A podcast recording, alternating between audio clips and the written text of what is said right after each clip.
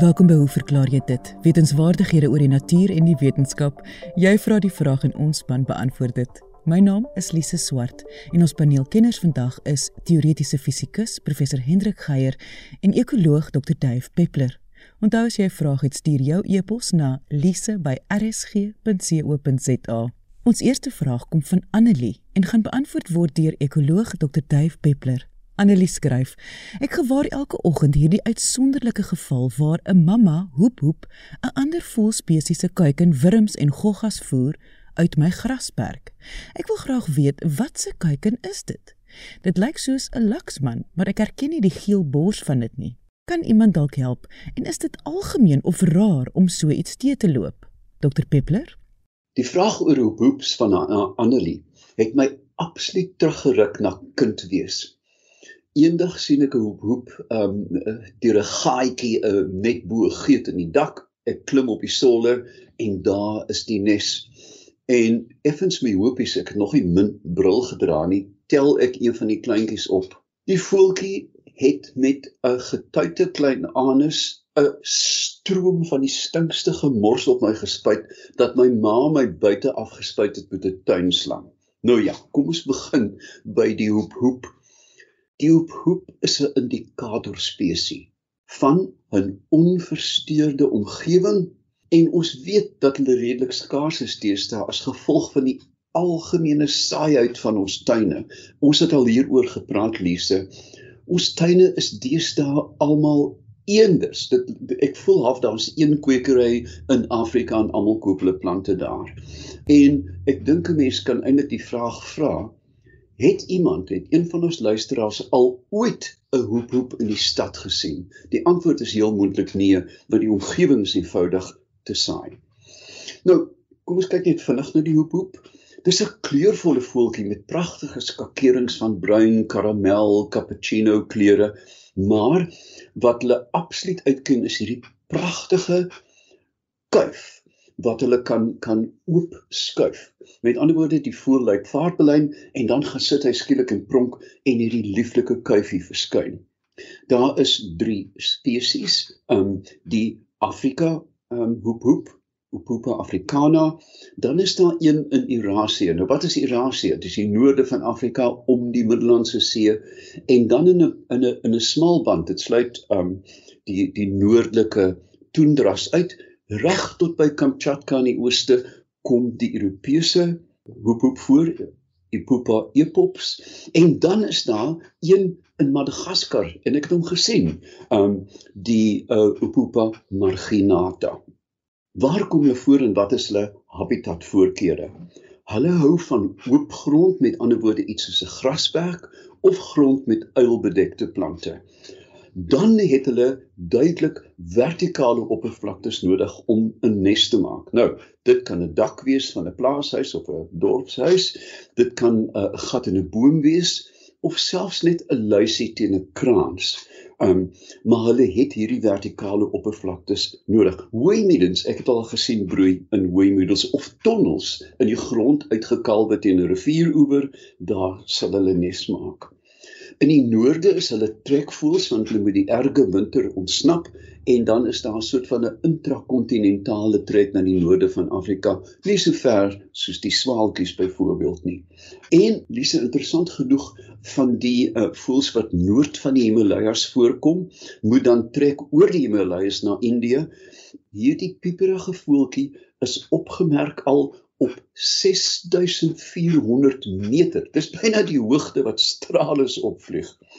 Nou ja, hulle eet hoofsaaklik insekte. Soms 'n bietjie bessies uh, en vrugte, maar dis gewone krieke, sprinkane, sonbesies, muurleeu's en mure. En soos by byevangers, indien die prooi dan groterig is, word hy eers katswing geslaan. Hy word in die bek gehou en dan teen 'n takkie uh, word hy flou geslaan. Hulle broeisiklus is die volgende. Hulle is monogam. Met ander woorde, een mannetjie, een wyfie, maar hulle dit is nie 'n 'n 'n paringsgedrag van 'n leeftyd nie, dit is slegs seisoonaal. Na die broeityd skei hulle paadjies tussen boom en bas. Dan is hulle ook territoriaal. Met ander woorde, die gewoonlik die manlike voëls het 'n territorium wat hulle afbaken virtueel in hulle koppies en dit word dan um verdedig en beskerm teen ander mannetjies. Hulle roep dan daai pragtige oep oep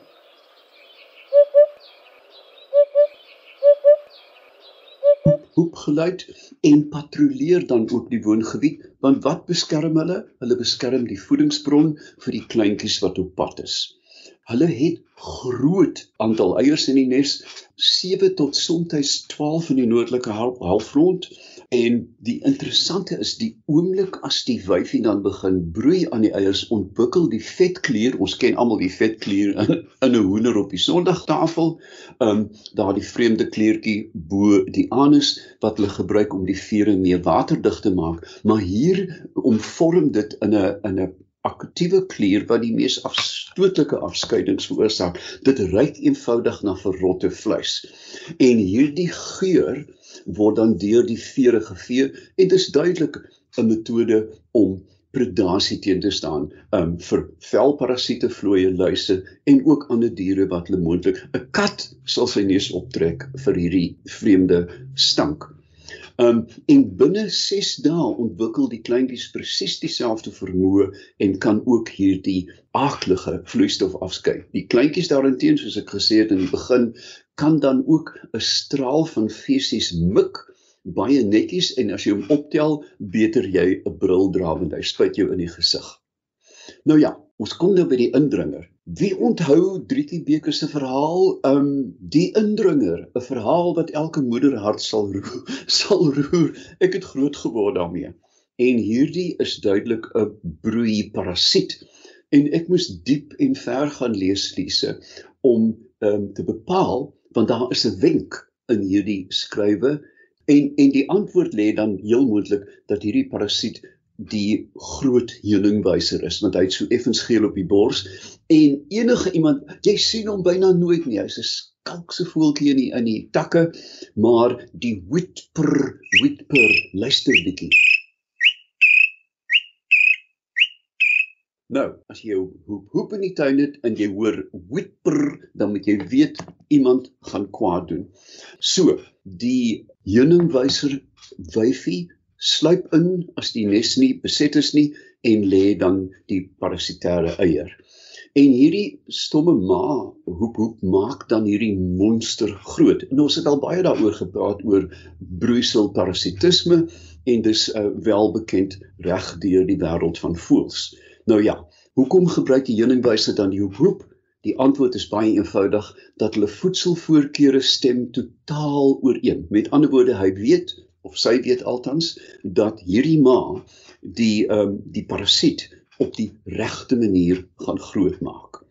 Daar is nog 'n aspek van die byevanger wat ons net vlugtig moet noem en daar is aanduidings en daar word tans heelwat studies op gedoen dat daar 'n waarlike vaste verwantskap is tussen mense wat heuning uithaal in die veld en natuurlik hoe die heuningwyser dan jou sal lei na die nes en as die ou stories as jy nie vir hom heuning gee nie die volgende keer vat jy nou as mamba toe of 'n leeu of 'n gewonde buffel. En ons kan hierdie hipotese baie maklik toets deur te bewys dat in stedelike en voorstedelike gebiede waar suiker, gewone eh, kommersiële suiker heuning vervang het as 'n um, soetmiddel, ehm um, verval hierdie verwantskap. So daar's baie goeie aanduiding dat die heuningwyser en die mens hierdie gemeenskaplik uh, voordelige verhouding het. Is hier dan sedelesse in parasitisme en heuningwysers? Nou ja, my raad aan die hoephoepes is hou jou roksak toe, maar aan mense is daar probeer jou tuin en omgewing bestuur deur minder insekdodes te gebruik en sien daar eendag sal 'n hoep hoep op jou grasperk land en dan sal jy weet dat jou tuin omgewingsvriendelik is. En dit was ekoloog Dr. Dave Peppler. Indien jy 'n vraag het, stuur jou e-pos na lise@rsg.co.za of direk na RSG se webwerf rsg.co.za. Onthou as jy episode van Hoe verklaar jy dit gemis het, kan jy die potgooi gaan luister op RSG se webwerf. Klik op die woord potgooi, dit is bo aan die tuisblad, tik in die program se naam en dit is Hoe verklaar jy dit en druk die soek knoppie om nie net na vandag se episode te luister nie, maar na enige van ons vorige episode se ook. Ons volgende vraag word deur 'n anonieme persoon gevra. Ek is op skool geleer om te loop wanneer dit reën, want wanneer jy hardloop reën jy meer nat. Is dit waar? Professor Geier. Môre Lise, al die luisteraars en spesifiek die persoon wat vir ons hierdie interessante vraag ingestuur het. Uh ek sal luisteraars nou maar so bietjie in die duister hou oor die antwoord op die vraag oor of dit nou beter is om te loop wanneer dit reën as om te hardloop in die reën. Uh met natuurlik die spesifieke vraag wanneer gaan jy nou die natste word? En interessant uh dat daar 'n hele klomp faktore is wat eintlik inspel op die antwoord wat 'n mens op hierdie vraag kry. Uh, maar laat ek nou nie die saak te ver vooruitloop nie, Lize. Uh, ek gaan begin met 'n met 'n anekdote of eintlik so 'n gedagte eksperiment wat in my soek na wie ook al hieroor geskryf het, ehm uh, hier na vore gekom het en terloops voordat my die gedagte eksperiment voorhou net die volgende. Uh, dis 'n ou vraag hierdie. Ehm um, ek het 'n spesmaas dit dit bestaan voordat iemand nou 'n moeite gedoen het om die wiskunde en fisika hiervan te probeer uitpleis en vir die eerste keer dit gedoen het in 1972 in 'n tydskrif in die naam van Mathematical Magazine ene Deacon het daaroor geskryf. En interessant genoeg die mees onlangse publikasie wat ek hieroor kon opspoor was in 2020 in die European Journal of Physics deur iemand met die van van Egegi toenemend het die outeurs wat hulle nou met hierdie vraag besig gehou het nou die situasie probeer veralgemeen en vir al hoe meer moontlikhede voorsiening gemaak as net die eenvoudigste wat ek in detail vandag sal bespreek. Uh en ek moet sê in die onlangse publikasies raak die wiskundige analise uh en die vloeimeganika en wat jy ook al wil gebruik om hierdie probleem aan te spreek uh heeltemal nie triviaal en nogal 'n mondvol. So dit is nie sommer iets wat jy uh vir 'n aanstorie sal kan lees nie, maar die maar die basiese storie dink ek kan mens maklik begryp. So hier's die anekdote. Jy stel jou voor dit reën nou en jy loop met 'n spons in die palm van jou hand blootgestel met sy grootste oppervlak na die reën toe en jy aanvaar dat uh jy nou uiteindelik by 'n skuilings gaan kom en dat dit jou sê maar 'n paar minute gaan vat om by die skuilings aan te kom en dat die spons al die reën wat op hom val kan absorbeer. So nou vergelyk jy hierdie situasie waar jy nou gestap het in die reën, 5 minute lank bereid was om nat te word en die spons op te hou met die volgende situasie. 'n tweede nie regtige persoon nie, maar 'n prairie wolf wat dieselfde ding doen. Nou hoekom 'n prairie wolf? Wel, luisteraars sal dalk bekend wees met die bekende animasiestrokie van die prairie wolf wat die voeltjie wat in Afrikaans terloops 'n renkoekoek is in Engels 'n uh, roadrunner altyd te vergeefs probeer in die hande kry want die voeltjie hardloop te vinnig vir hom en dan maak hy allerlei planne om hierdie voeltjie in die hande te kry. Miep miep. En hy doen dit gewoonlik deur iets van 'n posbesteldiens te bestel en in een geval is hy bestelling vir 'n paar rolskaatse wat vuurpyp aangedrewe is. So in die strokie sit hy natuurlik die goed op sy voete en hy blits af in die pad met die normale nare gevolge vir die arme prairie wolf wat ons nou nie gaan ingaan nie. Maar as hierdie wolf nou met so 'n spons dieselfde afstand gaan af lê wat jy in 5 minute geloop het en hy hou 'n spons en hy vat nou maar net 'n paar sekondes dan dink ek kan 'n mens nou intuïtief aanvoel dat die wolf se spons baie droër gaan wees as jou spons. Met ander woorde, hoe vinniger jy deur die reën loop, hoe beter vir jou. Maar hier gaan natuurlik nou 'n klompie aannames aan en wat ons nou een vir een mooi moet bekyk. So kan 'n mens wat jy nou hier intuïtief aanvoel uh, met eenvoudige analise uh, bewys, die antwoord is ja. Ehm um, wat moet ons aanvaar? Ons moet sê ons weet hoe vinnig die reendruppels val. Met ander woorde die die spoed waarteen die reën afkom en verder neem ons aan dat die die digtheid van druppels, met ander woorde as jy nou 'n volume uh in jou gedagtes sou uitsny is konstant. So as jy sê maar 'n kubieke meter sou vat in hierdie reën, dan sê jy in elke kubieke meter is daar dieselfde hoeveelheid reendruppels. Hulle val nou van bo af en belangrik vir die oomblik aanvaar ons die goed val vertikaal af. En natuurlik 'n spons het nie net 'n plat bokant nie, maar hy het ook ander kante en dit begin natuurlik ook meer spesifiek belangrik raak as 'n mens oor 'n mens praat wat nou in die in die reën loop of hardloop want hy het ook 'n voorkant wat in die reën blootgestel word. So ons moet nou 'n analise uitvoer met vertikaal vallende reën. Kom ons vat nou maar weer net 'n reghoekige blok, 'n bokant, 'n voorkant en jy aanvaar hierdie blok beweeg nou teen 'n spesifieke spoed deur die reën wat ons pas beskryf het. Nou gaan ons probeer vasstel of daar meer druppels op hierdie blok gaan beland as hy stadig beweeg met ander woorde as jy loop of as jy vinnig beweeg dit wil sê as jy hardloop. Nou as mens nou net eers na die bokant gaan kyk dan is dit nie te moeilik om vir jouself te sê kom ek kyk eers net na die tempo waarteen druppels die bokant van die blok tref nie. En daai tempo is die produk van drie goed: die oppervlak van die blok aan die bokant, die aantal druppels per volume en die spoed waarteen die druppels val. As jy mens nou mooi in 'n hoekie gaan sit en dink oor die saak, is dit nie moeilik om te sien dat die produk van daai drie goed vir jou sê hoeveel druppels per sekonde bo op die blokkie val. Uh, en terloops, as 'n mens van hierdie tempo gaan bereken wat is die hoeveelheid druppels wat van bo af val as jy nou vir 'n sekere tyd lank geloop het. Uh dan moet jy natuurlik nou dit vermenigvuldig met die tyd wat jy geloop het. Tipies tyd is afstand gedeel deur spoed. So as jy teen 'n sekere spoed geloop het, is die tyd wat jy loop tot jy by die skuilings kom, is die afstand gedeel deur die spoed en daai tyd moet jy nou met die tempo vermenigvuldig om die totale aantal druppels te kry. So waarmee dan mense dan op die ou einde sit, is die aantal druppels wat van bo af val wanneer jy sê maar loop is die produk van druppeldigtheid, die spoed waarteen hulle val, die oppervlak waarop hulle val, die afstand wat jy af lê gedeel deur die spoed. Nou kom ons kyk na wat aan die voorkant gebeur.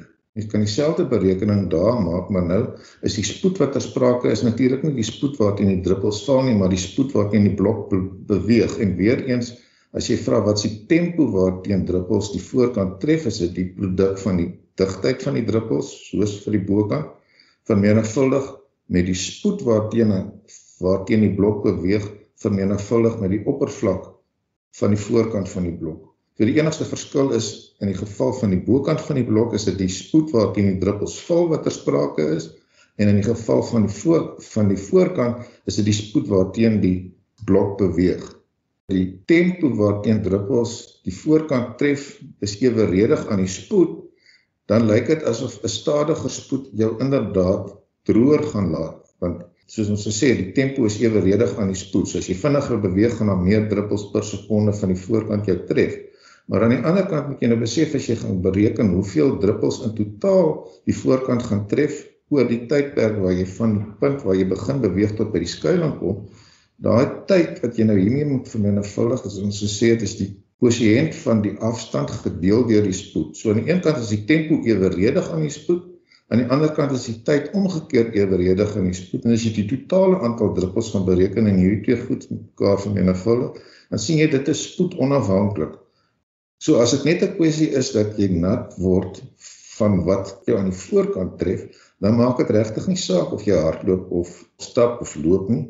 Aan die ander kant wat van bo af op jou afkom is omgekeerd eweredig aan die spoed waarteen jy beweeg. Met ander woorde, hoe vinniger jy beweeg, hoe minder reën gaan van bo af op jou val. En dis kan 'n mens sê daar's nou twee terme wat hier te sprake is as jy jouself as 'n blok modelleer. Die reën wat van bo af afkom, hoe vinniger jy beweeg, hoe minder gaan jy tref. Dit is soos ons eintlik intuïtief met die spons eksperimentie gedoen uh van mekaar gesê het en wat jy van voor af tref hang glad nie af van die spoed nie. En as jy nou natuurlik die som van hierdie twee goed vat, dan is dit so dat as jy stap, dan gaan jy uh, meer nat word as wanneer jy hardloop. Daar's nou 'n hele paar dinge wat 'n mens hier eksplisiet of implisiet aanvaar het. Ons het aan die begin gesê uh, ons aanvaar die reënval vertikaal af. Jy dra nie 'n sambreel nie terloops as jy 'n sambreel het wat jou kop en skouers droog hou, dan sit jy met 'n situasie waar die enigste nat word proses van vooraf is en daar ons nou pas uitgevind, dit maak nie saak of jy loop of hardloop nie. Maar uh, die realiteit is altyd 'n bietjie meer ingewikkeld as die eenvoudigste voorstelling van so 'n probleem. So reën val selde net vertikaal. So mense moet nou voorsiening daarvoor maak as jy hierdie vraag vra of dit onder omstandighede is waar die reën met 'n hoek val en dan maak dit natuurlik saak of die reën skuins van agter of skuins van voor af kom.